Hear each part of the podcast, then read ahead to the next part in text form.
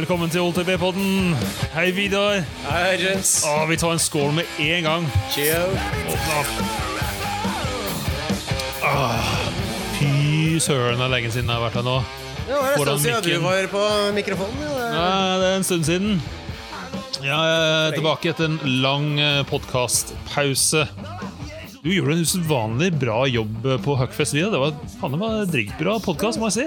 Så hyggelig. Ja, Skål for det. En gang Skål til. All right. Ja, moro der borte. Altså. Alcoholic refreshments etter en lang dag på jobb. Det er bare digg. Jeg må ha det for å komme i gang. Ja. Eh, jo, jeg trykker på record. Det er bra. Det er en god start. Eh, I dag skal vi Jeg har glemt det en gang før.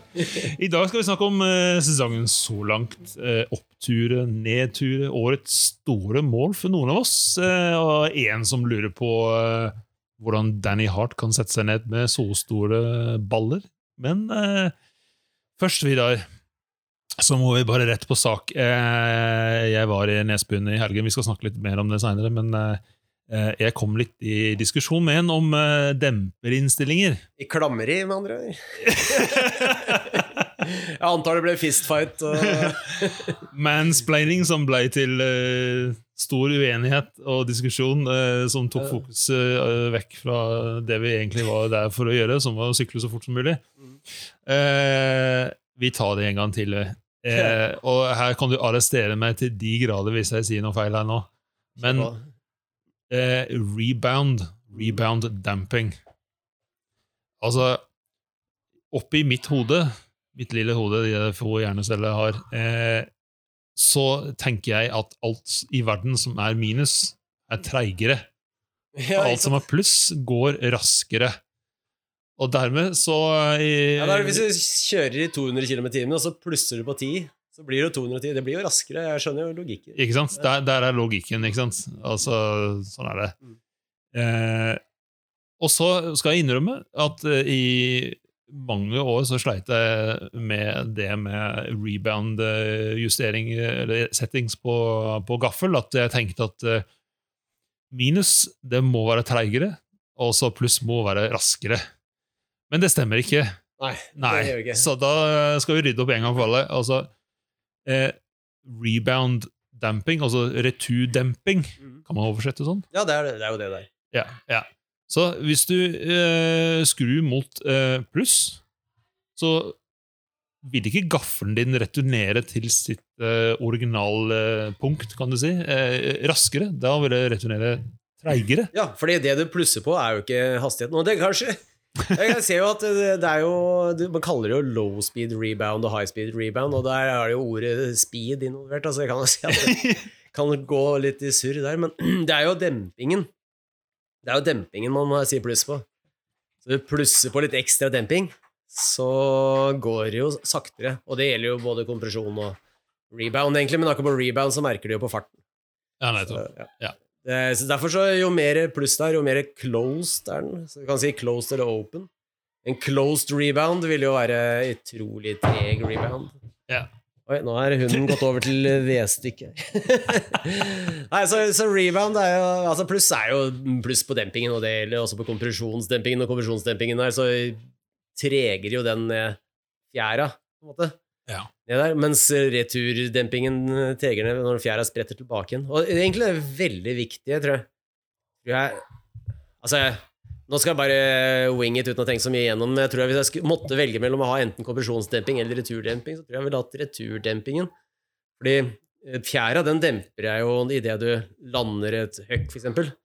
Men alt eh, som dempingen der, den får du jo rett tilbake igjen i armene, for fjæra gir jo tilbake igjen like mye som den Den gir like mye som den tar.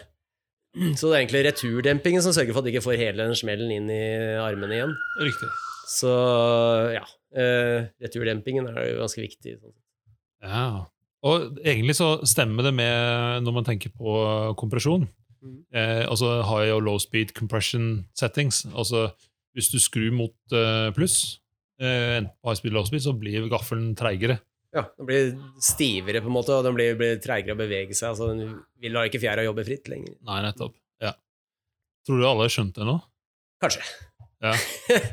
De kommer ikke til å huske det jeg, bare mens vi er inne på det, så hørte jeg intervju med en, eh, en sånn sykkel EVS om eh, demperoppsett og sånn, og han forklarte at eh, eh, han liker å sette opp gaffelen sin, eh, eller egentlig både gaffelen og demperen, eh, med mye mer sag enn det som er egentlig er anbefalt. Det var snakk om sånn mellom 30 og 35 istedenfor sånn 25 Ja, ja. Litt avhengig av hva slags merke du bruker. og litt sånn. Men han vil heller ha mye altså ha mindre luft med seg, men mye raskere eh, retur. Altså mindre returdemping. Mm, mm. Og jeg har fått testa litt, og det Jeg vet ikke. Jeg kan ikke si at det ikke funker, men eh, Jeg syns det funker fint på sti. Jeg, altså, jeg Ja. gjorde det for noe, noen år siden, så fant jeg at litt mindre luft enn akkurat det som var standard. Og så litt raskere returdemping. Ja, for det, når, det, når det er mindre luft, så er det jo mindre, mindre fjærspenn, liksom. Mm. Og da går jo fjæra litt saktere i utgangspunktet. Ja. Så må du jo trege ned sånn at du og, Men det er også du må trege ned, for det eh, Nei, du må ikke trege ned, mener jeg. Du må ha litt raskere returdemping, for ellers så jobber jo fjæra seg lenger og lenger ned. ja, ikke sant? For den spretter ikke For så det øverste er mest plush. da. Ja, det er plush øverst. Så det han, ja? Så det han gjør der, er å prøve å få smallbumpen til å bli veldig fin. Ja. Og da får han jo litt ekstra grep. Det er fint når det kanskje er rett vått ut og sånn. Ja. Men um, han må ta mye mer av de store smellene i armene. Ja, Han mente at uh, grunnen til at han gjør det, er jo fordi at uh, det er for å spare på energi, rett og slett. At eh, sånn Totalt sett så var det mindre slitsomt å ha et sånt oppsett istedenfor sånn som f.eks. downhill-folk har, Mm. som ofte er jo jævlig stiv. for at altså, Hvis du tråkker rundt eh, parkeringsplassen, så skjønner du ikke hvordan du kan sykle på det, men det er fordi alt er jo satt opp for massiv fart og big hit. Maksfart, egentlig. Og, og de, de, de, de har ikke tid til å ta en kompresjon litt sakte, liksom rulle inn i en kompresjon. De må gjennom den i maksfart, og da må du ikke miste kontrollen. For det kan gå litt på kontrollen løs eh, når det smeller i bunnen for hardt. Da. Men eh, sånn, Dan Atherton, når han drev og sykla når han drev og sykla enduro før, så delte han jo også med seg en del av sine tanker og innstillinger, og han, han eh, sa mye det samme. Og at, eh, at de, I enduro så må du nesten bare ta, ta de største smellene. De må du ta med armer og bein. Mm. Altså det kommer til å smelle i bunn, mens eh, han ville liksom ha Han satte opp demperne for å funke på det meste av sti, sånn kunne de store kompresjonene som du får i downhill, de fikk du bare ta eh, med muskler. men, eh, men det der var vel Jesse Melamid, det er sikkert som sa Jo, det var det. Det er utrolig bra du sa navnet hans, for jeg prøvde å dekke over at jeg har helt glemt hvem det var. ja, Nei, jeg hørte den samme podkasten. Men det var helt riktig. Ja, han eh, har jo vant jo litt i år også, han, så det har jo funka, i hvert fall. Ja, ja. Men samtidig, det, er, det her er det jo så mange Det, det er jo horses for courses, da. Det er jo veldig mange som sier at hvis du kjører veldig bratt, så kanskje det er lurt å ha litt ekstra støtte i gaffelen også, fordi da, da får du jo ikke bikke forover når du skal bremse i bratter og sånne ting. Og, så det er jo litt varierende etter løyper. Men det er jo sjelden superbratt i enduro. Det er jo mer Det er ikke helt downhill eh, som regel. Det er, det er jo bratte heng, men det er sjelden at det sånn i snitt er bratt. Ja. Dette, når de tuner også disse downhill-syklene også, når de tuner dem Santa Cruz som hadde skrevet litt om det, hvordan de tuna De tok tuna sykkelen Altså balansen foran og bak, for det er også en ting at det skal være litt balansert hvor stivt det er foran og bak. Da tok de faktisk gjennomsnittet av, av hellingsgraden. Mm. Eh, fordi rett og slett eh, eh, Det er jo der du er oftest. Mesteparten av tiden er jo, det er jo der du tjener også mest sekunder. Så det, da har du nok egentlig satt opp sykkelen for å være raskest der eh, enduroløypa er mesteparten av tiden, og ikke for de aller bratteste hengene. Men så hender det innimellom at øh, kanskje man fokuserer litt mye på eh, å tune på gaffel og sånne ting, og ikke helt følge med hva som skjer med resten av sykkelen. Eh, noe som jeg fikk smertelig erfarte for, eh, for litt over en måned siden. Eh, Og så var jeg ute på e-biken min. Kanskje det var jo nettopp det som var straffen, at jeg var ute på e-biken. Det var en straff, men uansett eh, hadde fader meg årets eh, Ikke årets, århundrets tryn for meg, i hvert fall. Ja, du har ikke hatt så mange sånne solide tryn, egentlig. Du. Nei, jeg, jeg, det er sånn klassisk hvis man går ut og sier at man tryner nesten aldri eller aldri, så gjør man det. Eh, Men jeg tryner veldig sjelden. da. Mm. Jeg har sånn småtteri, liksom, men ikke noe sånn Jeg kjenner flere som er liksom ordentlig av sykkelen sin eh, mye. Mm, mm. Eh, og kjenner noen som eh, rett og slett eh, er ikke sånn spesielt komfortabel med å sykle bak til, for at stoler liksom ikke helt på eh, hva som skjer foran. liksom. Mm. Eh, nei, så trynet er egentlig veldig sjelden, men også veldig sånn, veldig sånn kort fortalt Så glapp altså Jeg var på et sånn ganske rask parti på veldig, veldig, veldig enkel sti, jernbanestien, som er en del av Maridalsrunden. Ikke teknisk i det hele tatt. Ingen hindringer, ingen dropp. eh, Det er liksom ikke noen ting der. Ingenting å følge med på? Nei, ingenting, ingenting å følge med på. Jeg hadde vært på en sånn to og en halv times uh, sykkeltur og kjørt nordsiden av Balendosen blant annet, og dere hadde sånne ganske bratt og tekniske eh, partier. Og så er jeg i sånn full steam og tråkker på. Det var veldig tørt, da. Kjente at uh, her kunne være en ganske rask tid, så jeg hadde litt lyst til å pushe på litt. Og så glapp eh, gir, som gjorde at pedalen gikk eh, også, og vekten gikk framover, pedalen gikk Mhm. ned, og som da hekte seg i en rot på bakken som var så lav at eh, Det telles nesten ikke.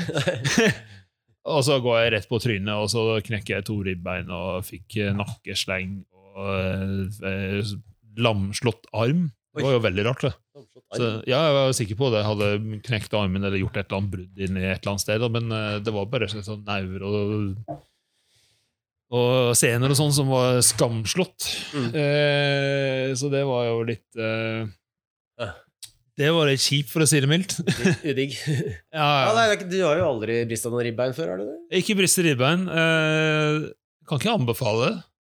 Nei, nei, nei. Jeg har brista ribbein veldig mange ganger. Det jo noe dritt. Det er jo det. for Jeg kjenner det fortsatt, altså selv mer enn fire uker seinere, og den er jo ferdig grodd, da. Mm. Men jeg har fortsatt eh, litt sånn plaget litt av det innimellom, og litt vondt i nakken eh, innimellom. og litt sånn, så... Ja, det er, noe- det er noe dritt. Altså, jeg sover så dårlig, også, man blir litt, det er derfor man får litt vondt i alle andre steder etter hvert. Ja, ja, absolutt. Så jeg satte meg litt ut i spill, og så eh, ble, eh, hadde jo litt sånn eh, sykdom ellers sånn i familien som gjorde at jeg ikke fikk vært med på Huck-festen i år, som var egentlig var planlagt. Men der var du, som jeg nevnte i innledningen. Ja, ja. Ja, det, var ganske gøy, altså. Det, det var jo, gikk jo ganske greit å ha live-forestilling. Det var liksom en forestilling for en live publikum, men det var, satt jo egentlig bare i eh, den store puben. Og, så, og det gikk bra. Høkken Nei, men altså ja, Vi har Makken, men Makken hadde jo ganske mye kule poenger, egentlig. Som, som Ja. går på litt sånn også på sykkeloppsett. Og hvordan eh, han kjører setter, Han må jo sette opp sykkelen ganske annerledes enn det vi andre stort sett gjør. da Han går jo for tungest mulig dekk med ekstra sett med slanger i. Og... Ja, Det var helt vilt. Altså, jeg må bare si at Hvis ikke du hørte på podkasten med, med Mac-en, så Sier du Mac-en eller Mac-en? Mac-en. Eh, må, må man høre på det. Ja, det ja, er, det er, han er ganske gjennomtenkt uh, type. ja, faktisk. ble litt sånn overrasket, egentlig. Ja, ja, man har jo ofte egentlig bare sett uh, han uh, Han i forbifarten i Hafjell og liksom litt sånn bajas. Men det er ikke det var det, altså. Nei, det var godt. Nei, altså også, så er det litt imponerende at han bruker opp fire downhill-sykler i året. Han, er mer han, han merker at det, nå er det ikke så mye spenst inn lenger. Liksom. Nei, Et eller annet uh, blir litt slarkaktig, mener han. Så, faen for en god unnskyldning til å skaffe seg en ny sykkel. ja, ikke sant? så fire i året. Da, da kjører du ganske hardt. Ja, Da kjører du hardt, da. Det må jeg si. Ja. Jeg har hatt min i nesten tre sesonger. Jeg kan ikke si at jeg har kjent at den har eh, begynt å flekse Jeg mer. kan ikke kjenne hvordan ramma er i det hele tatt, egentlig. Nei. helt ærlig. Nei, jeg tror ikke det.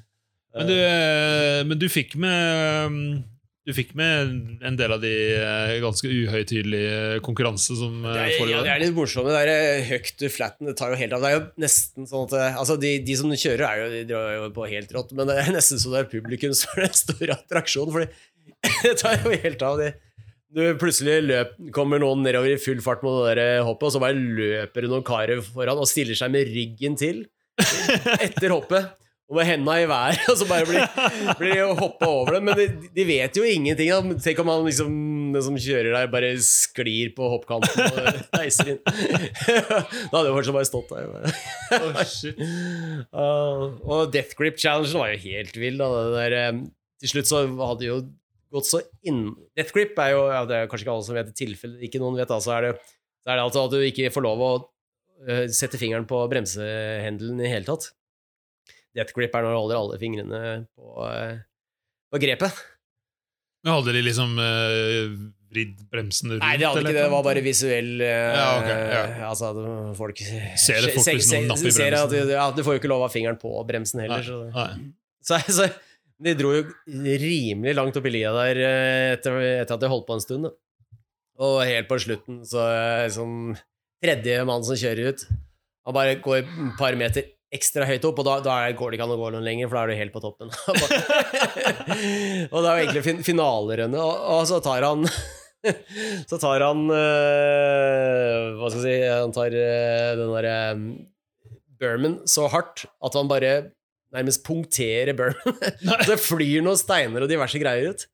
Så kommer de to siste, og da er ikke Berman helt seg selv lenger. og de tryner jo så jævlig. Men, det, ja. Men det gikk litt hardt utover en som satt i publikum òg? Ja, ja, stakkars. Det var uh, kommet og satt på en stol. Men altså, jeg tror hun kom litt uh, sent uti, for, for uh, speaker sa at uh, dere som sitter på stoler, bør det, bør det egentlig reise dere. Men så kom hun litt sent inn, så hun fikk ikke med seg Satt midt i crowden der, og så når det ene fløy ut av Burman, så så, så hoppa alle til side, og der satt hun, og stakkar. Oh, Kors, korsbåndet. Nei! Ah. Oh, Men det er jo som å sitte midt i løypa under motocross. Uh... Ja, altså, det var jo litt sånn gruppe, gruppe B-rally. Ja, så, ja, ikke sant? Nei, altså, men hun, hun tok det jo veldig sporty, da. Eh, men eh, det er, nok, det er, nok, lurt å høre på spikeren, i hvert fall. Men eh, Og så var det altså, eh, Fikk du med deg Clunker Race, eller? Nei, nei, for jeg reiste hjem eh, på, midt på dagen på lørdag. Ja, okay. Hjem i Family Duties, og da uh, fikk jeg ikke med meg så Men jeg uh, fikk sett bilder fra hvordan Gavin tryna. Ja, han uh, Gavin som jobber på Gavins steder. Stader, ja, som jobber på Gira. På Gira er, ja. Han, eh, han, var med i Clunker Race. Uh, og Clunker er jo da, for de som ikke vet, det er jo sånn gammeldags eh, Den første typen mountainbike som ikke hadde dempere foran og bak. Ja. Og så var det, det var jo rimelig gamle sykler de var på. Det var ikke sånne ja, kvasi, ja. det var ikke sånne moderne sykler som var liksom bygd om heller. Det var jo sånn ordentlig gamle sykler. Og så kollapser forhjulet hans. Ja, i en grøft. I en grøft, da. Så han eh, tok eh, Scorpion grind of the century, dessverre.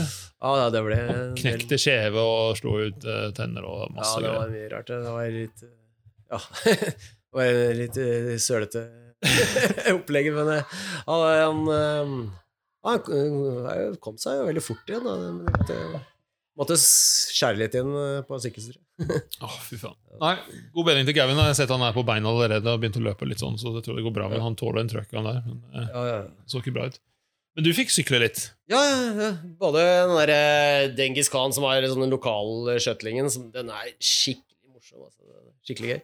Og så fikk jeg Jeg har aldri før kjørt i den parken som er Der hvor proffene kjører, så er det en B-linje og A-linje. Uh, den B-linja der, altså den er ganske drøy. Den har jeg egentlig aldri prøvd meg på før, men nå fikk jeg jobba meg litt gjennom. Og, det er jo litt andre typer hopp der enn er type Hafjell, fordi det er liksom bu, buene går helt opp, og det er noen cornere hvor det går veldig bratt opp, sånn som på snowboard corner, liksom. Så du må følge, må følge buen helt opp, og det er, ikke, det er ikke sånn at det er flatt på siste to meterne å hoppe. Da er det mye lettere å hoppe, da. Men hvis du har en bue hele veien, så må du må du pumpe hele veien. Da, Men da kan du gå enda høyere. Så det, når jeg fikk kommet meg gjennom alle de, det var, det var eh, stort, uh, følte jeg.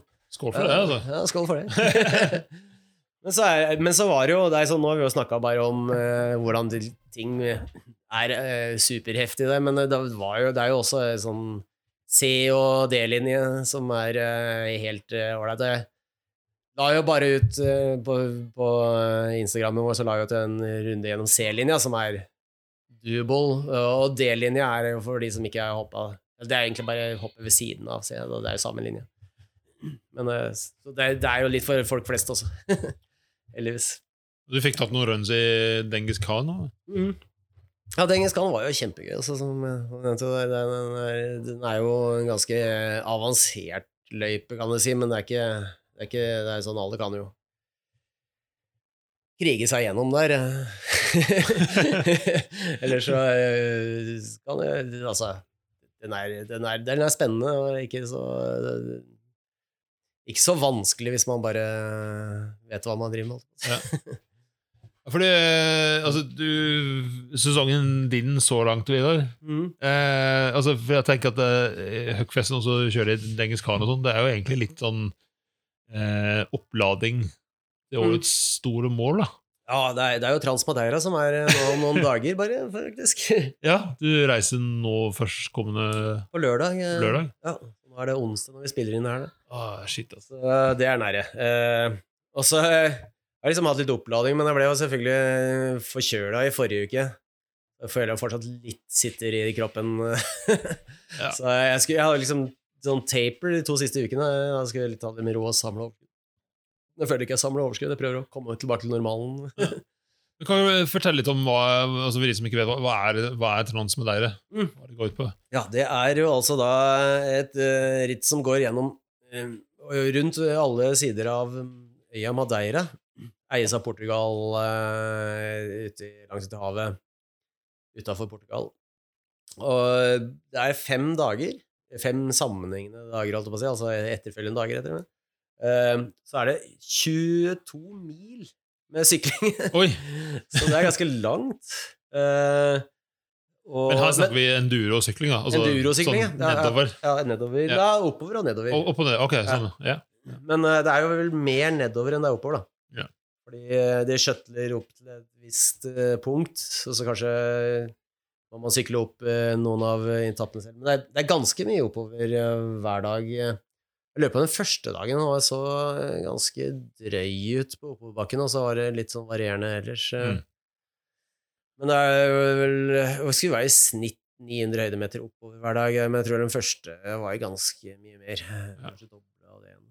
Så og 30, det er seks stager hver dag, altså 30 special stages. Oi, så det er liksom full enduro hver dag? Ja, ja. Det er full enduro hver dag, og det er lange stager. Det er sånn fra seks til tolv minutter lange stager, tror jeg. så det er ganske Det høres veldig slitsomt ut. det er langt. Ja, det er, det er jo mye mer sykling enn jeg noensinne har gjort på en uke. ja, Så flyttet dere rundt øya, det fordi du bor i telt, ikke sant? Ja. Hver natt? Setter en, de setter opp en teltleir for oss uh, ja. hver dag. Da. Så flytter de rundt bagasjen. Mm. Så lager de middag og frokost og litt sånne greier. Så um, ja. Men øh, altså, øh, verdt å nevne at jeg også var eh, meldt, påmeldt på det her. Ja, ja du meldte deg bare først, og derfor jeg meldte meg. Ja, ikke sant? Men uh, sånn som jeg nevnte tidlig, så har det vært litt eh, sykdom med andre i familien, så jeg måtte faktisk trekke meg i siste liten. Ja, det var jo trist. Uh, dritt. Uh, men du er jo med, og så er det flere andre vi kjenner som er med, så du, du reiser ikke alene videre. Nei, heldigvis er det mange av norske også. Først så tenkte jeg at det egentlig var litt, nesten litt dumt at det var så mange av de norske, for jeg tenkte på å melde meg på et utenlandsk litt for, litt for å slippe konkurransefaktoren. Nå er det ikke så mange å sammenligne seg med i utlandet. Kan bare drite i hvordan det går, egentlig. Nå prøver, prøver å holde på det der ikke-konkurransegreiene. Ja, nå kan ikke du gjemme deg bak ukjente navn. Nei, det er det. det, er, det er akkurat det. Men altså, liksom eh, altså Fem dager, eh, seks etapper hver dag, eh, lange etapper eh, Jeg tenker hva, hva, Altså, jeg kom egentlig aldri helt i gang med forberedelse, for jeg ble jo slått ut av korona to ganger. Og, mm. og da jeg skjønte at jeg ikke hadde mulighet til å reise likevel, så liksom, det var akkurat det jeg egentlig hadde tenkt å liksom virkelig trappe opp trening. Men eh, hvordan har, har du trent mot det her? Ja, jeg er ikke så så målrettet som man kanskje skulle tro, men det var For meg så har det jo vært sånn Prøve å jobbe det inn i hverdagen, så jeg har jo øh, familie og sånn, så jeg tar jo ofte Prøver å få de, trening på de lange dagene ved først ta en familietur på, til fots oppe, oppe fjell eller oppe en, øh, en haug i Nordmarka eller et eller annet sånt. Mm. Og så, når jeg kommer hjem, så tar jeg et par-tre par, timer sykkeltur. Eh, som av type sånn enduro-greier, da. For da får jeg liksom simulert det der eh, for kroppen, at den er med på, er med til, på en lang event. Ja. Uh, og så får jeg ikke Får jeg ikke miste familien i samme slengen. så det har vært litt det. Og så har jeg hund som må luftes. jeg passer på, jeg bor jo omtrent ved foten av Grefsenkollen, så det er liksom prøver å finne den brattere veien opp, og så går jeg hardt opp. Det er, det er litt eh, bæring av sykkel også i høydemeterne. Ja. Så ja, jeg prøver å liksom, trene kroppen litt allsidig, og så, så er jeg nok ikke perfekt forberedt på alt heller. Det, det er jeg ikke, men eh, jeg har ikke fått kjørt så mye store, lange ting som jeg lange rønn som jeg tenkte jeg skulle gjøre, og en del sånne ting. Men Føler du konkurransenerv begynner å slå inn litt, eller skal du bare, klarer du faktisk å bare drite i det? Altså jeg føler ikke sånn voldsomme konkurransenerver, men det er kanskje litt nerve bare for å, om jeg er, liksom, er god, eh, nok stand til å, eller form til å liksom kunne nyte det hele veien. Da. For jeg har egentlig ikke lyst til å bare være sånn at jeg skal være en kamp for å komme videre hele tiden. Jeg vil jo være der for å nyte de kule stiene i Madeira. Det er jo en litt uh, opplevelse, da, liksom. Jeg er jo mer glad i sånn type 1-moro enn type 2-moro. Type 2-moro er jo sånn når du sliter noe jævlig når du holder på, og så når du kommer etterpå, så bare Åh, ja, det var jo kult at jeg klarte det og fikk gjennomført, og så får du en god følelse etterpå. Jeg har litt lyst til å ha det gøy mens jeg er der. Ja. Ja, da jeg trodde jeg skulle reise dit, så, så var jeg, det var to ting som jeg personlig var, som merket laget meg med en gang. Altså, det ene var at, eh, at jeg ikke skulle være i bra nok form til å nyte det. Mm. At jeg skulle komme ned dit, og formen skulle være sånn at eh, det var sånn Herregud, hva er det du har lagt deg på her? her? Her har du ingenting å gjøre. Og det andre er jo at jeg blir litt stressa ukjente løyper eh, og forhold, da. Så mm jeg tror det hadde stressa meg altså, Helt inntil jeg hadde fått begynt å sykle litt, så hadde jeg nok eh, altså kjenner meg selv rett, så hadde jeg vært ganske stressa. Og så hadde jeg også vært sånn, som utfall av det, da, så har jeg litt tendens til å gå litt sånn Grave meg litt dypt hvis ikke jeg føler at ting går sånn som jeg vil, da. Mm, mm. Så jeg, jeg, tror kanskje det var det som kanskje bekymret meg aller mest, det var at jeg kom ned dit og følte at jeg bare sykler helt i ræva, begynte å trekke meg på ting og liksom men nå slipper jeg det! Nå slipper du å tenke på det. ja, nei, det Altså, jeg, jeg, jeg, altså, jeg, tenkte jo lenge at eh, jeg kan jo bare Man kan jo bare hoppe over en dag, da kommer man ikke på, på resultatlistene. Men det, det får bli bare til hvis jeg liksom føler at det er så slitsomt at det ikke er noe gøy. Så kan jeg heller kan jo i prinsippet hoppe over en dag og så ta på resten og få mer gøy på de to siste dagene, for eksempel. Men det, er, det er nød, nødplanen, i så fall. Ja. jeg, jeg, føler at sannsynligvis så kommer det til å føles best å gjøre alt.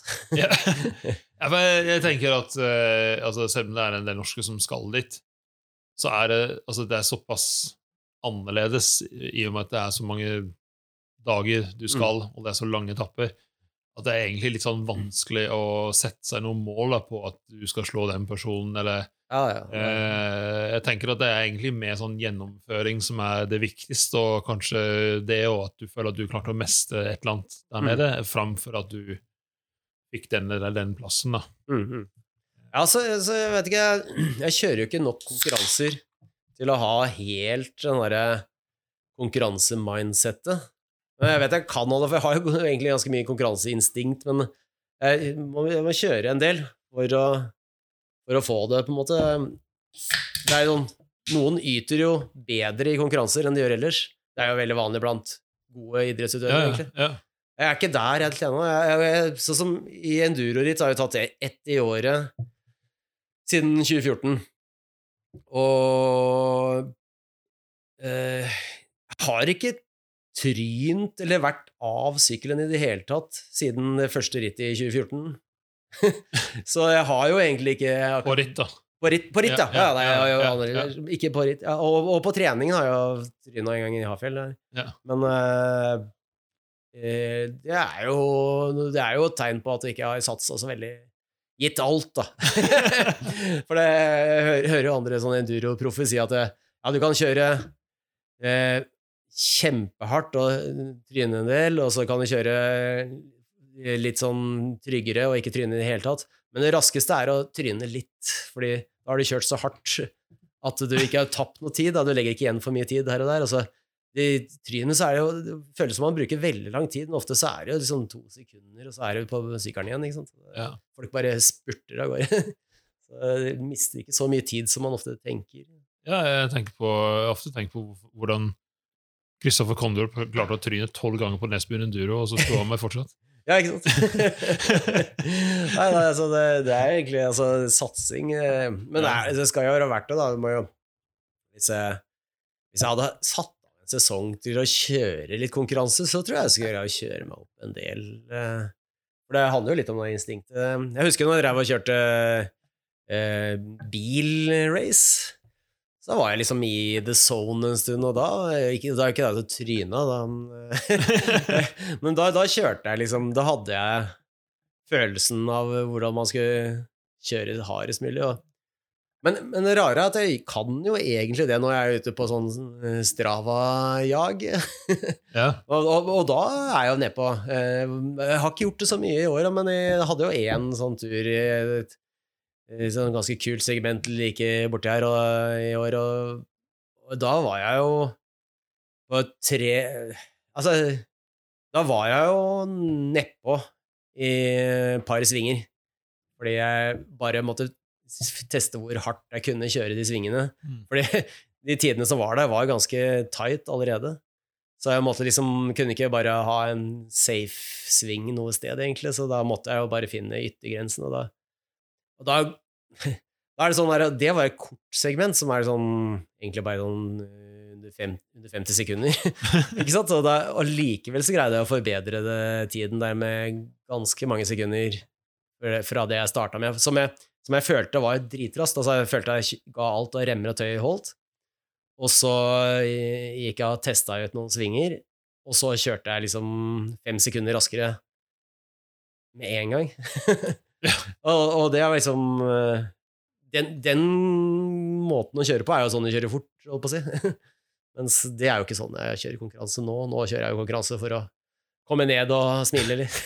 Men du fikk jo teste deg på Drammen Enduro, som Ja. eh, er nok en konkurranse jeg ikke fikk vært med på, for jeg ble sjuk ved korona. ja, men jeg ble også sjuk. Jeg tror også kanskje Ja. hadde korona, men jeg, jeg, Men du var var- litt før meg, var det ikke det? Eh, Nei, Eller- etter egentlig. Etter, okay. Men jeg hadde jo, hadde jo hatt ganske drøy korona på våren, så jeg tror kroppen eh, avviste den relativt fort. Men jeg var jo jeg var jo, altså Treningsdagen på lørdagen, så, så eneste grunn til at jeg greide å komme meg opp dit, var jo med å fylle kroppen med Ibux. men på søndagen hvor jeg kjørte, da, da var det bra. Um, og da, da følte jeg egentlig at jeg kjørte ganske bra, men jeg, jeg kunne jo jeg kunne kjørt fortere ved å være sterkere og sånn, da.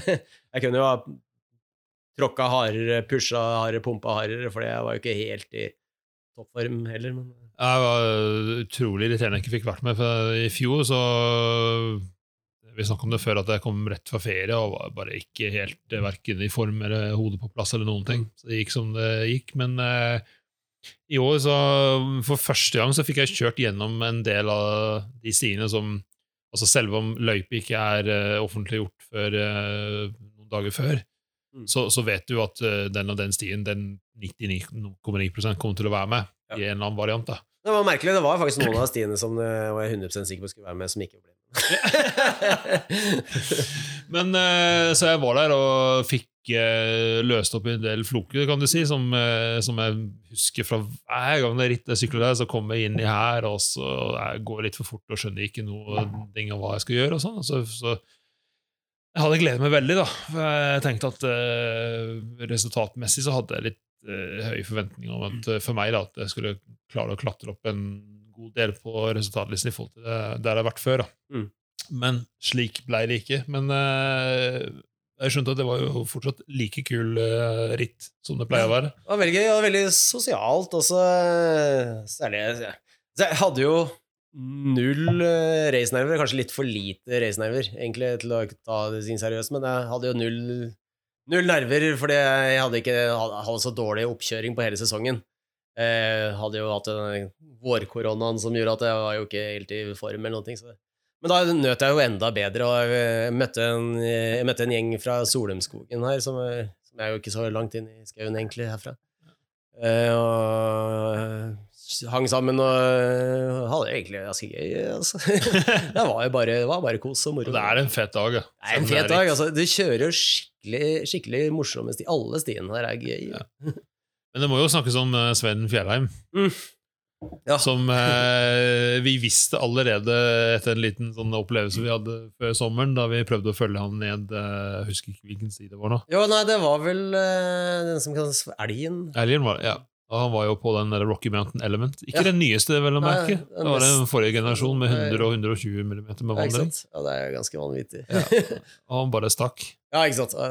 Det var faktisk da, og det var jo kanskje bare en uke eller en halv eller uke eller sånt Ja. før eh, konkurransen. Og og da jeg innså at jeg hadde glemt, å, glemt hvordan det var at jeg ki- kikker fremover. For jeg, jeg hang bak han en stund gjennom en greier, og så var det over en stein. Og etter at han hadde kjørt over en stein, så bare suste han av gårde. Og jeg, mens jeg måtte bråbremse for en sving, jeg bare husket jo, Det er jo det samme som jeg driver og forteller barna mine når jeg skal lære dem hvordan de skal sykle sti. Du, du kan ikke bare se på den nærmeste elementet, du må se på det elementet bak, fordi Ja. du kjører deg bare fast. Ja. og det var jo det som skjedde, derfor, derfor Sven kunne stikke fra som han gjorde. og da Heldigvis så fikk jeg jo den eh, lille lærepengen da, sånn akkurat rett før rittet, og så jeg greide å huske på det. ja, fortsett å, fortsett å se litt forbi den nærmeste dingsen. Men det er, det, er, det er sånn når du ikke har kjørt hardt eller gitt på på en stund, så glemmer du, glemmer du hvordan du gjør det. Stiskills, uh, ferskvare. Mm. Men han eh, fikk jo fjerdeplass, Ja, og med halvhjelm uten pads. ikke knebeskyttere. Han kjørte full rundbanestil. og- Full rundbanestil. Det er faen meg rått, Nei, det var sinnssykt. Eh, Nei, det var, eh, det var helt sinnssykt.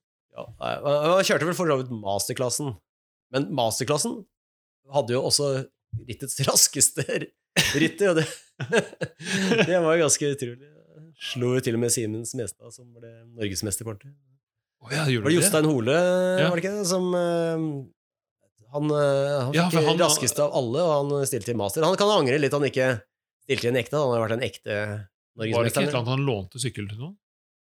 Var kanskje ikke den. Nei, det vet jeg ikke. Det. Men han sykler veldig mye landvei og sånn eh, innimellom, så han er jo Han er jo veldig, veldig god form, har jeg skjønt. Ah.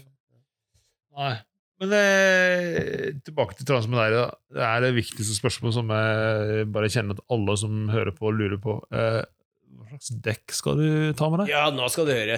jeg har gått litt opp, frem og tilbake. jeg tror jeg må bare si at altså, det, det som er greia i Transmodeire, at hele øyet er fullt av hundrevis, kanskje tusenvis av sånn mikroøkosystemer som Mm. eh, kan ha eh, hvert sitt eh, værfenomen når som helst på dagen, sånn at du kan oppleve både snø og nesten minusgrader på den ene fjelltoppen, og så kommer du ned på sånn pluss 25 og sol og oppholdsvær og ja. Det, Det er- altså, det er sånn, samme dagen. ja, og så neste fjelltopp så er det tåke og pissregn. Og så, så, så hvis du søker på noen av disse Transmedeire-bloggene på YouTube som mange har lagt ut, så ser du at liksom været og forholdene varierer helt sinnssykt. Kanskje ikke noen andre steder i verden nesten som er så ustabil som Ja. på Madeira. Ja, den beste bloggen der, eh, eller altså videobloggen, den, den må jeg si det er en som heter eh, MTB Travel, eller noe sånt som er. Okay, ja. Er, fordi Ellers er det stort sett proffer som har lagt ut det. Jeg føler ikke man får en ordentlig inntrykk av hva det er, men han,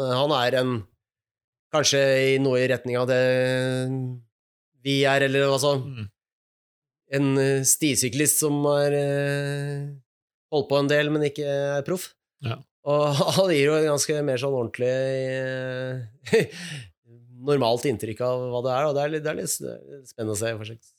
Men eh, jo, nei, det, dekkene så må det jo være veldig allsidig, tenker jeg. Og, altså, jeg har gått for uh, for Assika foran, i Maxgrip Exoplus. Uh, Exoplus, ja. ja uh, fordi jeg pleier jo ikke å ødelegge fremdekken så mye, men jeg har jo dekkinnleggene. Jeg har en sånn derre uh, Rimpact. Ja. Uh, og kjørt på akkurat det dekket, bortsett fra at det er et helt likt dekk, da, men, siden i sommer, og egentlig har vært veldig fornøyd med det. Så jeg, eneste at det er det veldig klissete gjørme, det vet jeg ikke. Så, så, er det nok så er det jo dekk som kvitt gjørmen bedre enn det, da. Men ellers så syns jeg det er så, sånn dekk som jeg ikke tenker på. Uh, har det på forhånd, så er det faktisk sånn Ja, tenker ikke noe mer på det dekket. det er veldig ålreit. Og så bak så hadde jeg jo planlagt egentlig Eller jeg, hadde, jeg, jeg, jeg tenker, tenker, jo at uh, man skal prøve å ikke bli for sliten, så jeg liksom prøver å ha sånn dekk som ruller godt, så godt som mulig, men likevel har grep. Så tenkte jeg egentlig jeg skulle ha uh, sånn DOF bak. Ja. Og der er det, det kommet en ny sånn Exo Pluss-variant som ikke er 120 eh, TPI, men 60 TPI, som jeg vil si at den er litt sterkere. Men så fikk jeg angst, fordi jeg tenker på Exo Pluss, de, de, går jo før eller siden hull på de. så tenkte jeg kanskje jeg burde ha i hvert fall double down for det. Men altså, greia er med Exo Pluss er at det triller jo bedre enn double down-dekkene. Ja. Nesten uansett hvordan mønsteret er på de, så er jo Men så, ja. Og da var det ikke noe mer å kjøpe, så kjøpte jeg et Continental Oi. Kryptotal R, som er bakdekk Som er Altså, Continental fremdekke Kryptotal fremdekke er eh, sånn ganske likt som Assegai. Eller er sånn mm, Det er en blanding av Assegai og Magic Mary. Ja. og så bakdekket er ligner jo en god del på DHR2. Ja. Og jeg har nettopp satt det på, men det er i sånn enduro-styrke. Uh, som jeg ut ifra vekten syns at det virker som trentlig som en double down. ja. Så du havner dit du ikke vil likevel? Mm. Men uh, faktisk uh, overraskende, overraskende hvor greit det virker å trille. Altså. Det, jeg liker at du blander merker.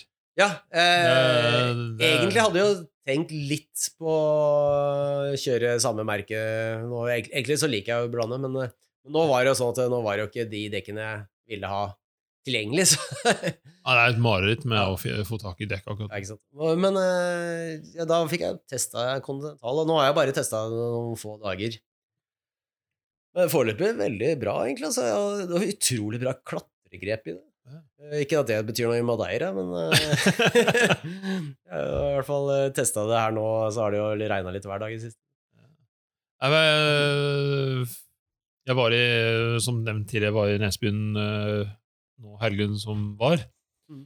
Og så hadde jeg Assegai Skal vi se, hva var det hadde? Jo, jeg hadde Assegai Exo pluss maksgrip foran. Mm. Og eh, det, å, det å er eh, Exo pluss bak. Ja. Eh, det, det varte ett og et halvt run. ja, og eh, det første runnet det var jo ned i ravinen, som eh, er jo egentlig ja, ikke noe å punktere på. Ja, der er det ingenting Ja, så Den andre var jo ned en sånn kombinasjon av klassikken og norgeskappløype og litt sånn. Mm. Og den Jeg kjente For det var så innmari tørt der.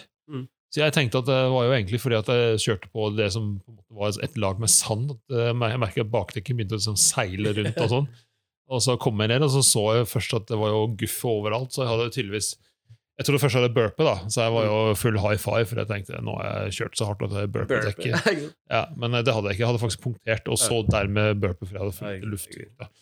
Men da slengte jeg på Assegai uh, dobbel D bak. Ja. Det var det jeg hadde. Maksgrip, eller? Maksgrip, selvsagt.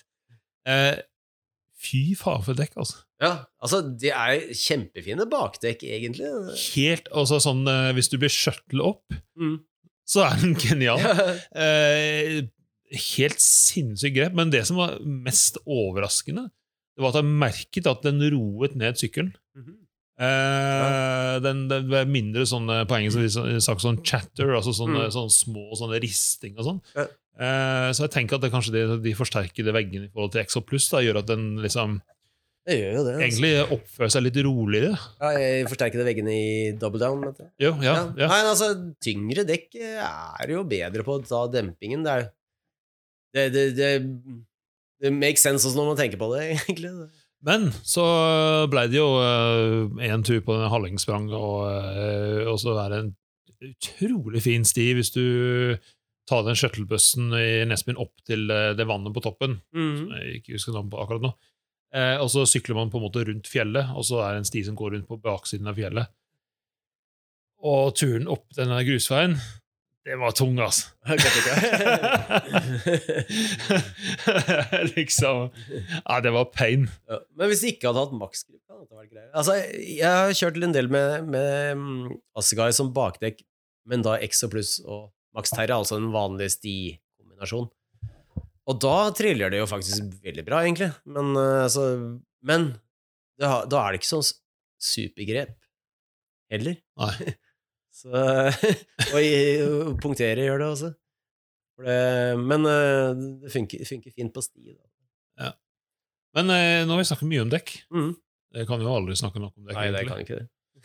Men jeg har jo ikke bare, bare vært syk i år. Nei, Nei. ja, det var jo godt. Eller krasj. Eh, må jo egentlig eh, altså, Må snakke litt om Hafjell. da. Ja, ja, ja. Hafjell er, er et så gøy sted å være. Du har vært i Hafjell i år, ikke sant? Ja, ja, var ikke vi der sammen? Var vi det? Ja. Jo, fy faen, vi var det. Bobilen til Stian? Var kuttet. Jo, det stemmer. Det er så lenge siden nå. Jeg, jeg, øh, hodet mitt er jo i Nesbyen. Jo, selvsagt, vi var jo der sammen. da. Det var øh, Det var en interessant øh, helg. Ja, Egentlig. det var veldig gøy. Ja, det var dritgøy, men uh, øh, dere, Jeg merker at dere var jo altså, For du, det er deg og så Stian uh, som uh, en vi sykler med, han skal til Transmedeire, og så var det en som heter Christian som skal dit, og så kom en som heter Terje, og så etter hvert som også skal dit. Så jeg merker at dere var veldig sånn on a mission. Mm. Eh, få mest mulig høydemeter og kjøre på sånn drithardt. Ja, ikke sant? Eh, og jeg eh, Jeg opplevde det jeg opplever veldig ofte når jeg skal til eh, bikepark, altså spesielt til Hafjell eller et eller annet sted jeg ikke har vært på en stund, kanskje første turen i Drammen, det er at eh, jeg blir ganske sånn stressa Ja. første gang i park, og veldig ofte så går jeg rundt og tenker på enkelte elementer, da, enkelte ting jeg har lyst til å gjøre. Mm. Og det liksom opptar så mye av hodet mitt at det ødelegger dagen litt, på en måte. ja, man må starte litt rolig for å komme inn i det. Ja, men problemet er hvis, jeg, hvis det blir for mye sånn rolig start, så kommer man aldri i gang heller. Altså På et eller annet tidspunkt så må man skremme livskitten av seg for å våkne litt. Eller kanskje ikke skremme lyset, men altså, man må liksom gjøre et eller annet litt hårete eller et eller annet for å få adrenalin til å kicke inn litt. Grann, jeg, har jo innført at jeg alltid starter rett i old school, for den syns jeg Den er jo Kommer jo alltid igjennom, men eh, den er jo litt drøy når det ikke har varma opp. Ja. Eh, Men eh, da våkner man i hvert fall. Så det eneste at det rister og slår litt i armer, og du får litt mer armpump enn når det er, var når det er varmere litt seinere på dagen. Ja, så Jeg tror jeg tok den der, eh, startet litt for rolig og kom liksom aldri helt i gang. Og så begynte vi å sykle old school og new school, og så var vi en tur ned Illenberg og sånn. Og så da kom rullegardinen ned, på en måte. Altså, da, da fikk jeg sånn mentalstopp og Mm. begynte å oppleve at jeg begynte å trekke meg på ting som jeg har gjort mange ganger før. og jeg var liksom Gikk sånn litt i kjelleren, på en måte. Eh, ble ganske oppgitt, egentlig, for alle andre var jo on fire. Og så begynte jeg egentlig følte at jeg liksom tok eh, ti skritt tilbake, og vel så. Du var ikke like oppgitt som Stefano. Eh, nei, han Han reiste hjem. Han reiste hjem. Men stakkars, han var jo skadet, da. Så det skal- han få. Han eh, hadde skadet skulderen sin og i, Du har kanskje ikke vært der. Eh, nei, han skulle ikke vært der. Han mistet mojoen sin, så jeg tror han var litt oppgitt der, og det skjønner jeg godt.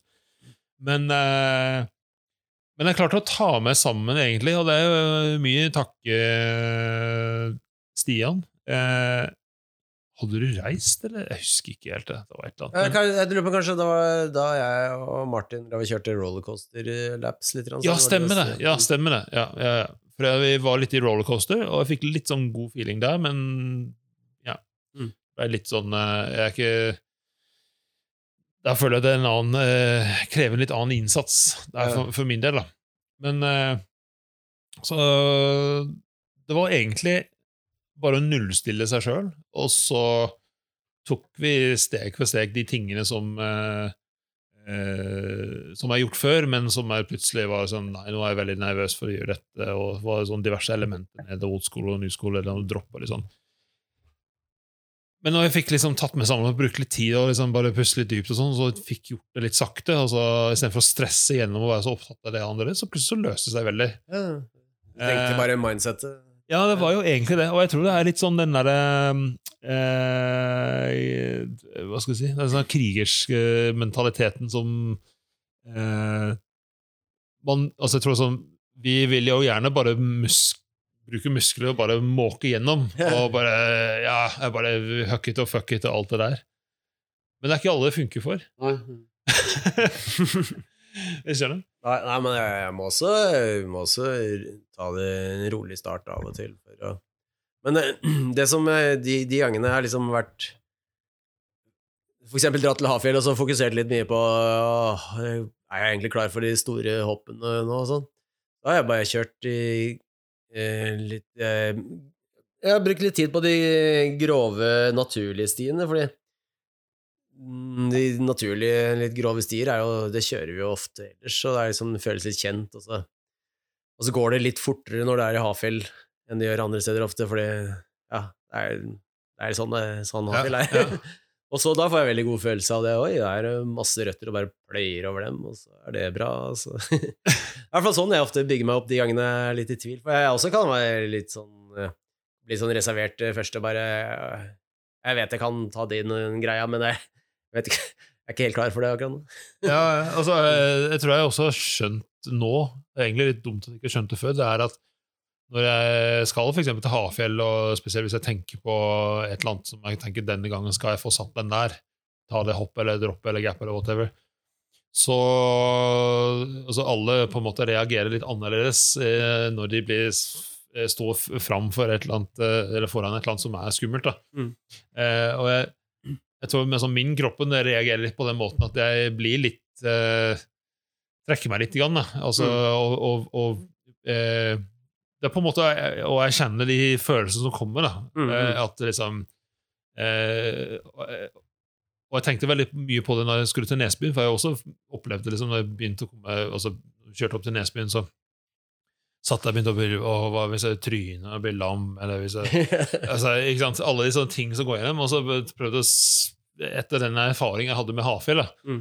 så prøvde jeg bare å tenke sånn, ok, første run, det kommer sikkert til å bli ræva. Eh, og de, det du tenker nå, de tankene som går gjennom, det er liksom rett og slett adrenalinen og, og den altså At du er liksom Du går mot et eller annet som er litt skummelt, da. Mm.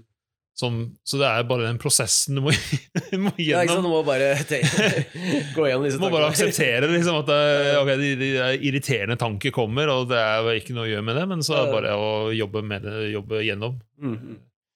Nei, det, det, er, eh, det er jo sånn det er. Det, tror jeg nok er Det er nok noe nesten vi alle kjenner på på en eller annen måte. Så kjenner noen mer enn andre. Men det er, det er jo Det er som du sier, det må finne sin egen måte å komme gjennom det på også, fordi alt er jo forskjellig for alle mennesker.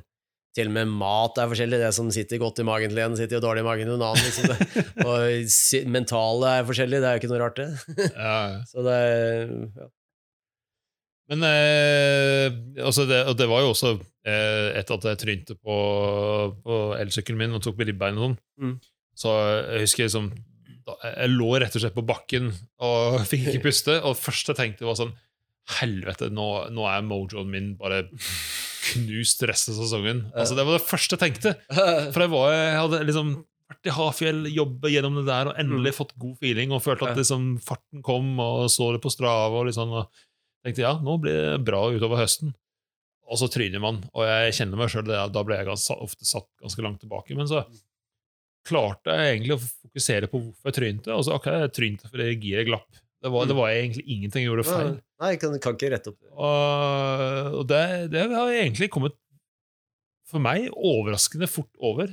Det er ikke verst, altså. Jeg, jeg merket i Nesbyen eh, Det er jo så innmari høy fart, og innimellom så fikk jeg en litt sånn når det ble veld, ting gikk veldig veldig fort, Ja. så begynte jeg å tenke litt sånn eh, Hadde veldig sånn flashback til den gangen jeg Ja. opplevde at alt går bra, og så plutselig så ligger du i bakken. da. Ikke sant? Du har jo sånn joker-card, så Ja, ja. ikke vet. Akkurat det. Men uh... Hvis du ikke tråkker, så ikke Nesten alle dine tryn har jo skjedd mens du tråkket. ja, jeg må bare slutte å tråkke og pumpe mer, da. Ja, ikke sant? Men uh, jeg må si at Aper apropos å, å kjenne egen begrensning og være redd, så fikk jeg litt, sånn litt dårlig samvittighet, fordi at uh, på fredagen jeg, jeg var der tre dager med han eh, kompisen Stian i Nesbyen. Eh, så var det to ganske ferske syklister som eh, var med på shuttling. Ja. Eh, begge på e-bikes. Kjempehyggelige karer. Begge hadde kjørt dritlangt for å være én dag og, og sykle. Eh, men de hadde liksom drevet med stisykling i sånn to-tre måneder. eller et eller annet. Og med begge med sånne brand spanking new e-bikes. Og så, og så tar vi noen runs, og eh, ja det, sånn, det var sånn klassisk fersking. ferske. ikke sant? De hadde sånne Nike joggesko eh, på seg og halv hjelm. og Ikke hadde noe gærent med det, men altså sånn eh, De så ganske newbies, da. Mm. Altså Jeg og Stien fikk litt, ja, vi får litt lyst til å sykle den der påskestien og så teste den nye stien Beaster. Yeah. Og så, og så spør de liksom Ja, hvordan er det? De hadde jo bare, bare vært i ravinen, da, som er jo ganske lett sånn parkaktig løype. Mm. Masse dosering og sånn, ikke sånn teknisk vanskelig.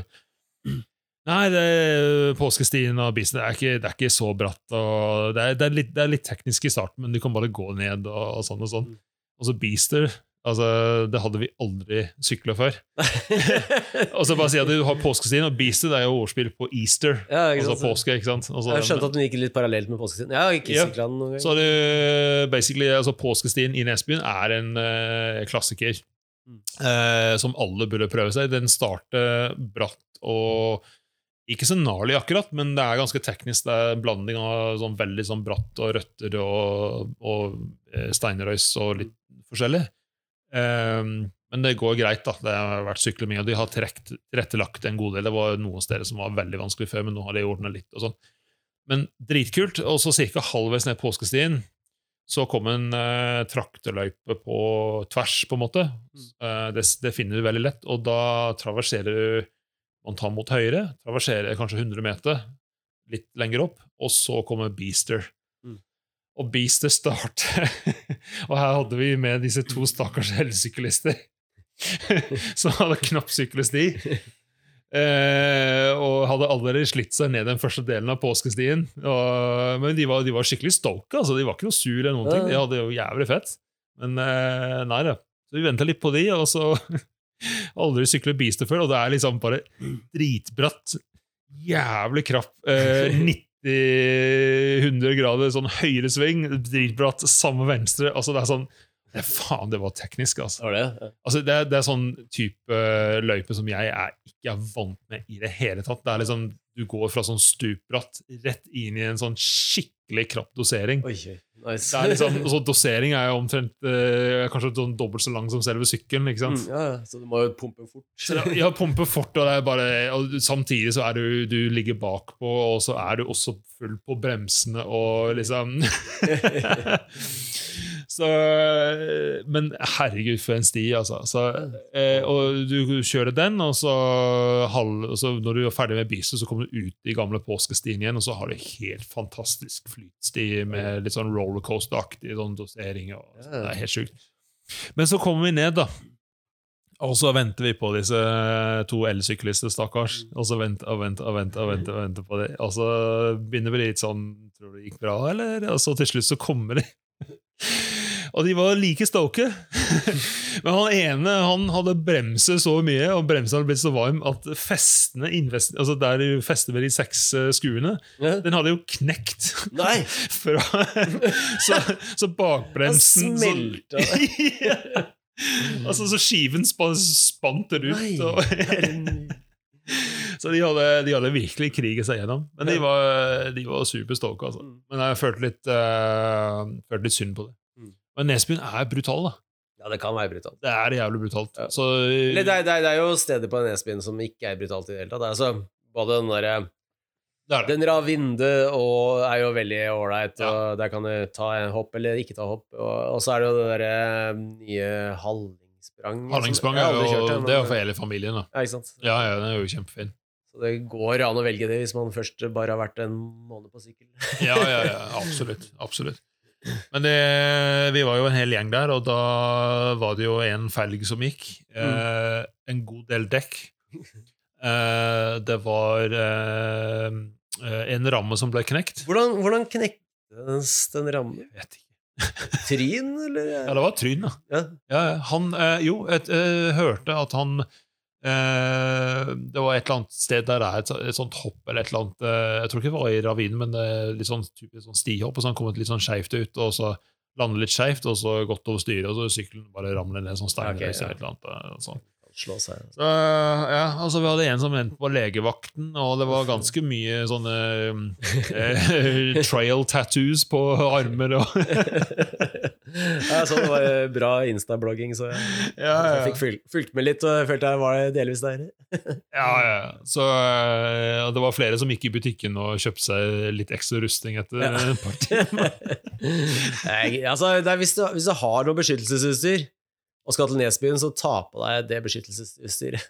Ja. Det er kanskje en sett. Hvis du ikke bruker det der, så trenger du ikke eie det. ja, ja. Men det er altså eh, Jeg personlig så jeg fant en helt ny fart der. Mm. Mm. Og så tok jeg kyll kyllingsklie. Ja, ja den, er, den, den, er, den er litt sånn psykologisk eh. Den, eh, den står jo over i fjor. Mm. Den klarte jeg ikke å få hodet rundt. Men i år så Vi bare dro dit, og så han jeg var sammen med, han Stian, han sykla ned, og så hadde vi hatt en liten prat om den, og så første forsøk, rett ned. Ja, det var deilig, da. Ja, Så på første forsøk bare. Det var Ja, ganske det er jo ikke akkurat noe du kan forsøke på, da, men du kan jo ha inrun.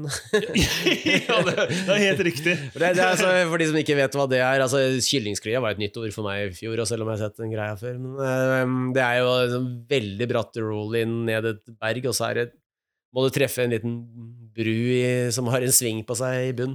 Ja. Uh, det er ja, det er, litt, det er jo en av de der tingene som er litt sånn eh, Sånn som du ser i British Columbia i eh, Canada. Ja, det er mer egentlig så er det altså, Når du har uh, den, så er den er ikke så teknisk så vanskelig.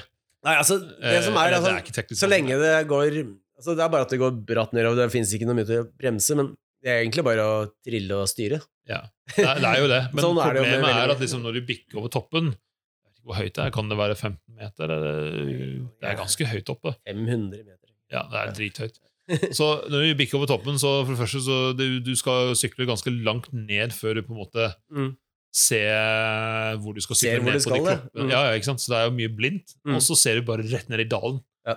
så det er ganske sånn dramatisk Det er litt sånn eh, start. Det er psykologisk. Det der. Og, og det der, jeg, men jeg tenker at du klarer den 100% hvis du er god nok eh, Hvis du er, hvis du er nok eh, eh, nærværende til å kunne slippe bremsene på riktig tidspunkt. Ja, ja. Men hvis du ikke Hvis du er full av panikk, så bør du jo ikke ta den, egentlig. Fordi jeg tenker et eller annet sted Hvis, hvis du ikke greier å slippe bremsene, så kommer du til å bomme på den brua. Ja. Og da, da er det jo Da er det jo litt alvorlig. Ja, altså det, var, det var det jeg egentlig var mest eh, redd for. Det var at jeg skulle finne på å gjøre et eller annet helt idiotisk på vei ned. Ja, ja, ja. Det, det er jo det, det er bare der det kan gå gærent, egentlig. Prøve å stoppe opp eller et sted der det rett og slett var for, forbi Man panikk og bare klemme mer på bremsen istedenfor å slippe det. Ikke sant? Men for du skal jo bremse ganske langt nedover i nedoverbakke. Ja, ja. Og så det overraskende hvor lenge du kan bremse, egentlig. ja, det var, eh, altså, det var Virker som det er fritt fall, men du kan egentlig bremse. Ja, det var varmt når vi var der. Det var helt knusttørt, og det var egentlig helt fantastisk grep. Så det, Ja. Det er egentlig bare å Hvis du har litt eh, Hvis du klarer å file bremsen litt, grann, Mm. så går det. Og i hvert fall ikke drive og dra i forbremsen for mye. Men, eh, men jeg tok den andre gang jeg tok den, så, så tok det i et rønn. Ja. Og da, da kom jeg inn i inn i sånn, litt sånn enduro-fart. Oi da, såpass. Det var skummelt. ja, det kan, det kan. Jeg kom over toppen og var forbi point of no return før jeg visste hva jeg gjorde, og så skjønte med en gang at her har du Mye ubehagelig mye fart. og så de kloppene du treffer i bånn, er ganske smal, og så skal Mm. du ta en liten sånn venstresving i bånn. sånn. Ja. Eh, Det gikk jo fint, da. Ja, det gjorde det. Gjorde det, men det ble... god kompresjon, tenker jeg. Ja, altså Den kompresjonen jeg fikk, var den kompresjonen jeg fryktet man skulle få ved å sykle sakte. Ja, ja, ja. Så det ble bra kompresjon. ja, det er herlig. Men Men så du kom, nå har du jo kommet ut av Nesbyen med massiv med selvtillit, er sikkert masse selvtillit. Ja. Eh, det er det, Ja, jeg føler at jeg aldri syklet så fort som da jeg var der. Jeg fikk løst opp eh, mye rart oppi hodet mens Ja, ja. jeg var der. Ja. Så akkurat i tide, for eh, nå er jo Nå er jo høsten på vei inn. Nå begynner den sakte sesongen. Men jeg syklet tre dager på rad, Ja. og vi var opp med skjøtling fra klokken ti, og vi holdt på helt fram til klokken fire. Eh, Bortsett fra på søndag, da måtte jeg gi meg tretida. Mm. Og da- Men jeg merket allerede på lørdag at jeg var litt sånn mett av å sykle. At jeg var bare litt sånn uh, going through the motions, men eh, jeg var litt sånn åh. Og da tenkte jeg mye på deg som skal til Transfordeire. Kommer til å bli litt sånn- mett i løpet av fem dager. Ja, og på i hvert fall bli mett av den der jævla oppoversyklingen. ja. Og så på søndag så, så tok det flere turer før jeg våknet. Det var ikke før vi tok den, ukjent, eller den stien som jeg aldri har tatt før, Mm. som forresten er jo helt sinnssykt bra, Mm. at jeg liksom fikk den derre Nå er jeg i gang i dag. Ja. Men jeg tenker at siden du skal jo bare sykle på stier som du aldri sykler på før, så tipper jeg at alt oppleves sånn. Ja, det blir jo nytt, altså. Ja. Eh, det blir det. Altså Oi, oi, oi. Ja, det er jeg spent på. ah. Men apropos hardcore, Ja. fikk du med hardline? Hardline Ja, ja, ja. Det var, Hardline må vi snakke om. Det var jo fantastisk. Det må vi snakke litt om. Mm. Eh, og nå må Jeg bare si det, jeg kan ikke tenke meg at det er ingen som Nei, eh, lytter på, på, som, er eh, som ikke vet hvem som vant. Men Nei, for eh, du kan ikke ha vært, på, du kan ikke ha vært i sosiale medier i det hele tatt. nei, da, da, det er for, da fortjener du at det er en spoiler. Ja. kommer. Eh, Jackson Goldstone, ja, som vant. 18 år gammel.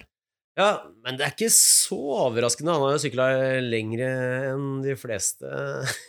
Husker du ikke Jackson Goldstone fra videoen pappaen hans ga ut, hvor Jo. han kjørte til barnehagen Ja, over en sånn derre- pump track, eh, hopp og alt med løpesykkelen sin? Han har jo sykla siden da.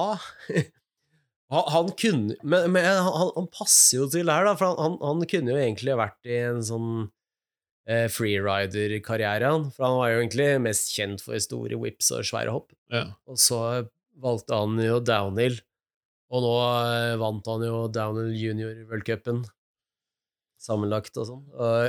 Ja, han Setter måtte jo- setter jo kjempe en del mer i år enn uh... det, er jeg tror det er det som egentlig har gjort han, både han og han andre Jordan Williams, har det han heter? Ja. Veldig ekstra raske at de har hverandre, da, fordi ja, ja. mange som har dominert junior før, har liksom ikke hatt noen som Altså, hvis de har hvis, hvis noen av dem slipper opp bitte litt i én sving, så taper de. ja, ja. Det er liksom helt på maks, og de kjører jo tidene til beste elitefolka. Altså. Ja. Så ja.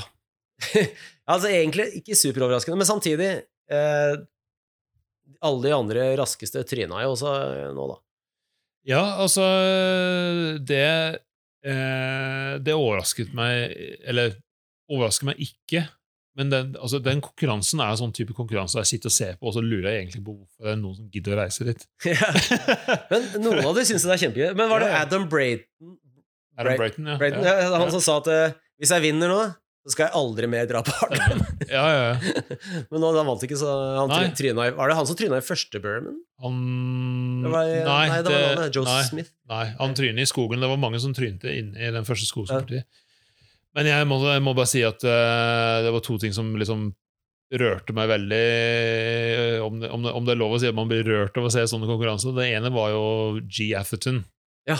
Som jeg tror han havnet på femteplass. Ja, ikke sant? For han fyren faen meg holdt på å dø i fjor på den der Ja, trynet. det, det var Altså, så alvorlige skader, jeg tror jeg. og han er egentlig ikke ferdig lege etter den skaden, eh, Mm. den trynet han hadde. Vi kan legge en link i shownotes eh, til de som er interessert, som vi kanskje ikke har fått med. Men eh, Han hadde en sånn eh, skadeliste som så ut som en sånn stygg butikkasseregning Ja. eh, fra det trynet han hadde i fjor.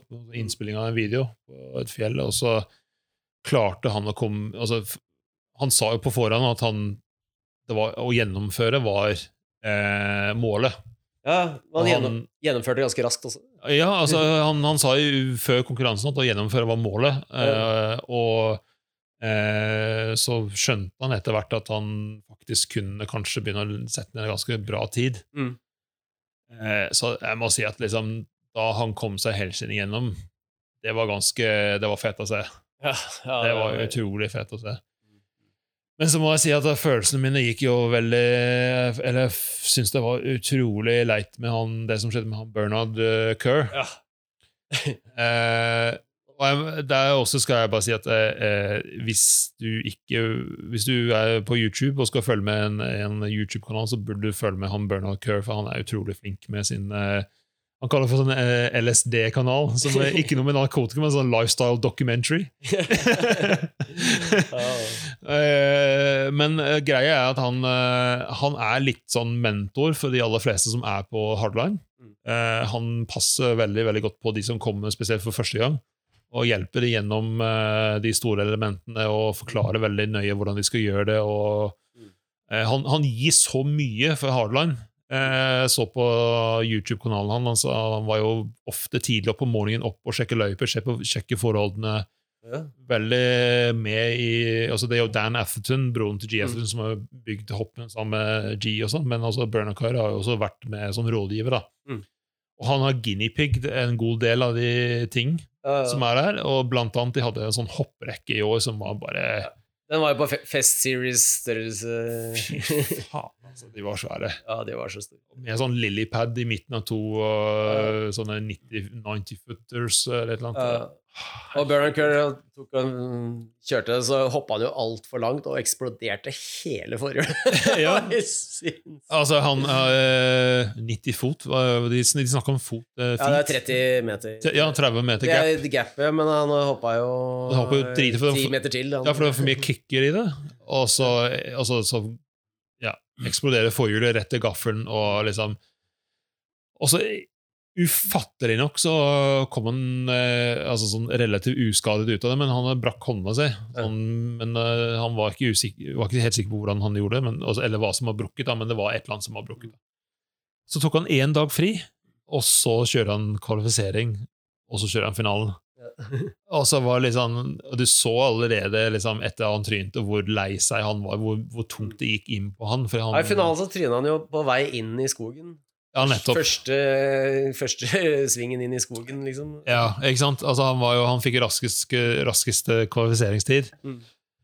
Og så Ja, var storfavoritten. Han Stå, står over tre, ene, hele den treningsdagen for raskeste kvalifiseringstid. Ikke sant? Vunnet to ganger før. Han var på jakt etter sin tredje Mm. og har liksom eh, mentor alle andre gjennom eh, løypa hele uka og gitt så mye. Uh.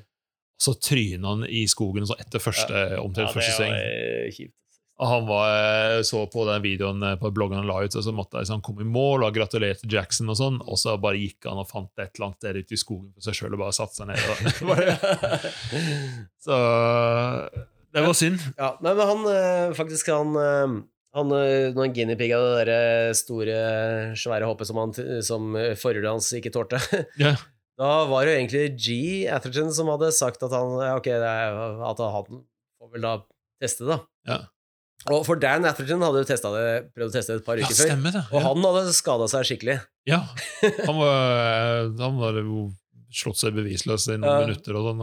Ja, ikke sant? Så, så det var egentlig G eh, tenkte at det var kanskje opp til han, da. Men eh, siden han var liksom ikke Han tåler jo ikke et tryn. Nei. så da Bern Curtis sa at det var, ja, nei, det får du ikke lov til, da skal jeg ta det. Men han, han guinea-pigga vel all, først alle sammen, egentlig. Ja. Altså stort sett eh. Ja, han gjør stort sett det. Men han, han, har jo, han har jo vunnet eh, Redline en del ganger, og, og, og det er jo Han sier jo at det, det er kanskje litt fordi jeg ikke er noe redd for disse eh, hoppene. Jeg syns ikke det er noe skummelt. Så, Stemmer. Ja. Han kan fokusere så jeg kan på fokusere på faktisk eh, alle de stedene hvor du faktisk kan tjene tid. Ja. Ja, for du så det var veldig mange som kjørte ned, eh, og du, du bare så de, de var, ikke- Det var ikke racefart. Nei, nei, det var bare for å komme gjennom. Det, det var egentlig bare show, liksom. ja, Komme seg til neste. Ja. Men vinn i tid, da. Ja. Backflip på den svære step-upen og en suicide no-hander ned det road-gapet. Ja, herregud. Det var classy. da. Det er jo dritfett å se. Ja, det er det er- det som er så kult med Hardline, det er litt showet. Mm. Så, uh, Ja, Vinni i var ikke den treigeste heller. Nei, han var ikke det. Plass, sånn. men det var jo synd å ikke se Brage det, for han har jo vært der uh, flere ganger og kom på fjerdeplass uh, siste gang. Mm, mm. Uh, men han står altså, Står over både den og både Rampage. den og Rampage, og det er mange som uh, tror, tror at han ikke er invitert. Jeg så på Pinkbike-kommentarfeltet, så fyrte alle av gårde når jeg så Mm. Brag ikke var eh, invitert til Rampage, blant annet. Men det er faktisk han som Han hadde in- invitasjon, visstnok, har han sagt til Terrengsykkelmagasinet. Mm. Og så valgte han å stå over, for han er ikke over denne skulderskaden sin. Ja, tydeligvis, uh, ifølge hans kommentar på nett, da, så han kjørte litt hardt Ja. Eh, i re og trenger å Trenger å ta litt mer ro en stund til. Men han kjørte jo B-Rage Sessions. Så eh, når han tar litt med ro, så er det jo bare at han ikke går på Det er som Motown for han, tror Ja, jeg. ikke sant? det er bare vanlig flow, det. Ja. Det var B-Rage Sessions i Trysil. Ja. det var jo flere jenter som Ja, det var, var, Det var, første veldig kult å se. Det, så det var Ja. gøy. Ja. Som greide å gjennomføre. Og, Ja. Det er rått. fett. Eh, Og det liksom dukker litt overalt. Nå var hun Jess Blewett var jo på, på um, Hardline også. Ja. Um, men hun eh, tok et kragebein eller sånn. Kragebein på, ja, på denne hopp med sånn rampe. En, ene, Ja, ja, den er step-upen. Step steppen, ja, stemmer. Den som backflip. Ja. ja, men det er kult å se det jentene begynner å dukke opp. Da. Mm, ja. Absolutt. Men uh, så er det én som uh, vi kommer til å savne veldig framover. Uh, det er jo han eh, Rob Warner. Eh, Ja. Han blir borte fra kommentarboksen. Ja, det er, ja, det er jo fordi han eh, henger fast i eh, en kontrakt med Red Bull, tror jeg. Mm. Jeg tror ikke det egentlig er sånn at eh, Discovery ikke vil ha han.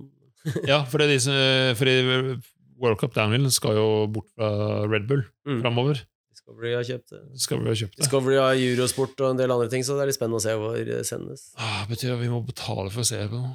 Mest sannsynlig. Ah, Eller kanskje ikke, det vet jeg ikke. ja. Det er faktisk ikke Det er jo en del som er gratis her, og nå er vel Er ikke det som er TV2 også? Nei, TV Norge, mener jeg kanskje. Ja. Da- Jeg har ikke full oversikt over eierstrukturen her. Men eh, jeg tror de fleste vet hvem som Rob Warner er, men altså, han, eh, han er eh, altså, eh, kommentator som eh, ikke følger retningslinjer akkurat for sånn. Han har sagt en, en god del morsomme ting gjennom tidene. Mm, mm, ja, ja, ja. Eh, og det var egentlig litt sånn han ble kjent av, for i starten så var det jo han Jeg husker ikke hvem det var han kommenterte med, men altså eh, De var jo rett og slett på fylle, da. Ja, ja, ja. Eh, og så satt og skreik i mikrofonen. Diverse ting. Men han har jo en god del sitater mm, ja, ja. som han kommet på, eh, som jeg tenkte vi kunne eh, høre på et par i. Altså, han sa eh, He's angrier than a man with a fork in a world of soup. ja, det er konge. det er konge. altså, jeg skjønner ikke hvordan han kommer. Altså eh, Det her syns jeg var konge. Eh, he looks like he shitted Lego Death Star. Og det var en som hadde trynte, visstnok, og så lå på bakken og vreng seg i smerte. Og det var det han kom på. Eh, og så eh, Å nei, det, det, faen, den kan jeg ikke lese opp. Det er flere her som er så drøy at, eh, at jeg tror ikke jeg kan eh. ja, det, er, det er- jo andres ord, da, så du kan jo lese det. Ja. Det er jo ikke dine ord. Uh, ja, he hit the deck harder than an old lady on a cruise ship.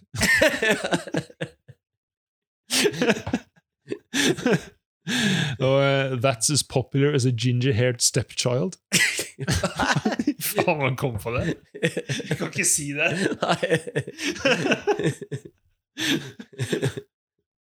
Åh, shit.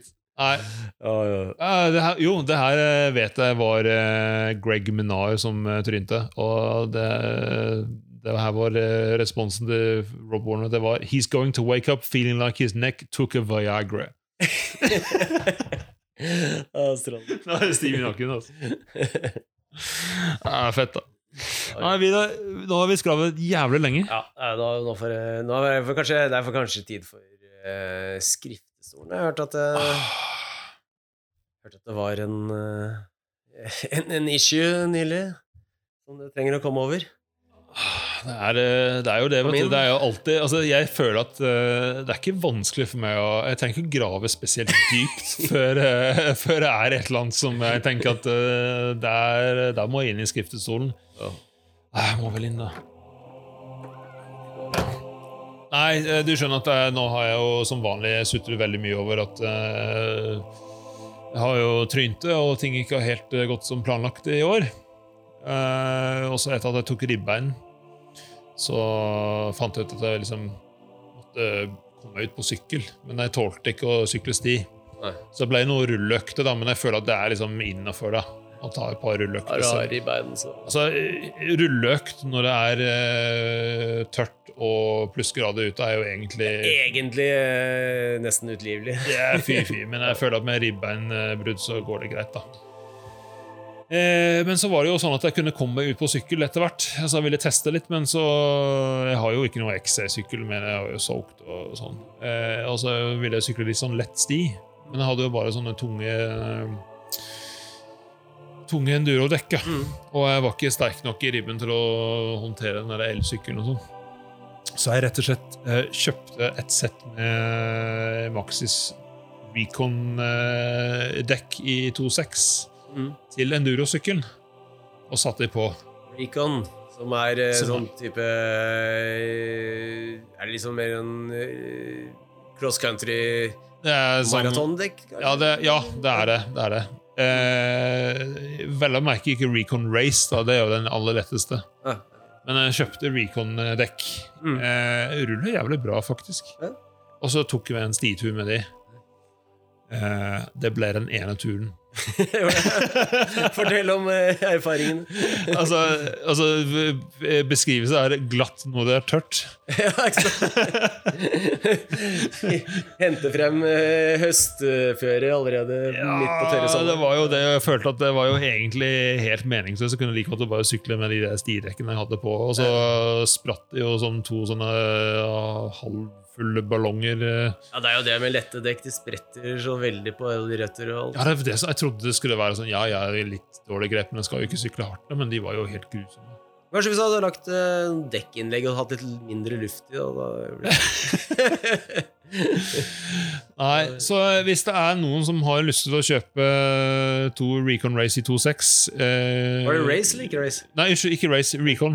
Eh, Recon Race det er i 2 2.4. Jeg tror ikke du får i 2.6. Hvis du gjør det, så er det vanskelig å få tak i. da eh, Så er det til salgs. Brukt eh, tur. Har ikke skrense med det engang. Av en stakkars med ribbeinsbrunt. Ikke sant? Ja, ja. Ja, nei. Det hørtes jo ikke bra ut, det der. Hva slags straff skal man ha da? Det blir jo sånn ti Ave Mariaer, og det er, det er jo sånn feilkjøp må jo få konsekvenser, så det, det må jo Hvis ikke du får solgt disse her innen november, så blir det en november isglatt tur på Recon Race i, Oh, shit. i Lillomarka på eh, dertilhørende røtter. Er- Oi, det høres, uh, høres ut som både lårhalsbrudd og kragebeinsbrudd. Og Ja, du får eh, pad up. ja, ja, pad up. Ja, ja, riktig. Pad up. Og Helhjelm og Åh, shit. Ja, det blir tøft. Men Vidar, du hiver deg på flyet snart ja, til Transmodeire. Og jeg tror eh, når du er tilbake, og du, eh, du kommer sikkert til å sove en hel uke når du er ferdig med det, men eh, da må vi få en debrief Vi må ha en debrief. race report. Ja, jeg tenkte jeg skulle rapportere litt på Instagram-storyen Ja, det må folk gjøre. Må få følge med på Instagram. Da, må du, da må du være blogmaster. Ja, ja. Phil Atwill skal jo dit. Oi. han, han var jo med i Hardline, men han faktisk Plutselig så ga han seg på en mechanical. Å ja. Kan du høre på hva slags unnskyldning det er? eh, Kan du, Er det er det mechanical du ikke kan fikse? Ja, det må du høre meg om. Ja, det må jeg høre om. Ja, ja. Nei, Masse lykke til i uh, Madeira, Vidar. Takk, takk. Keep it uh, rubber side down så godt du kan. Det er, så, det er viktig, altså. Men men dekkvalget du har valgt, så er jeg sikker på at det, er, Ja, det nok det bra. må jo bare gå den veien. Ja, Ja, ja, ja. Styre, seg sjæl, det der. Ja. Kjør hardt, du, og så høres vi snart. Dance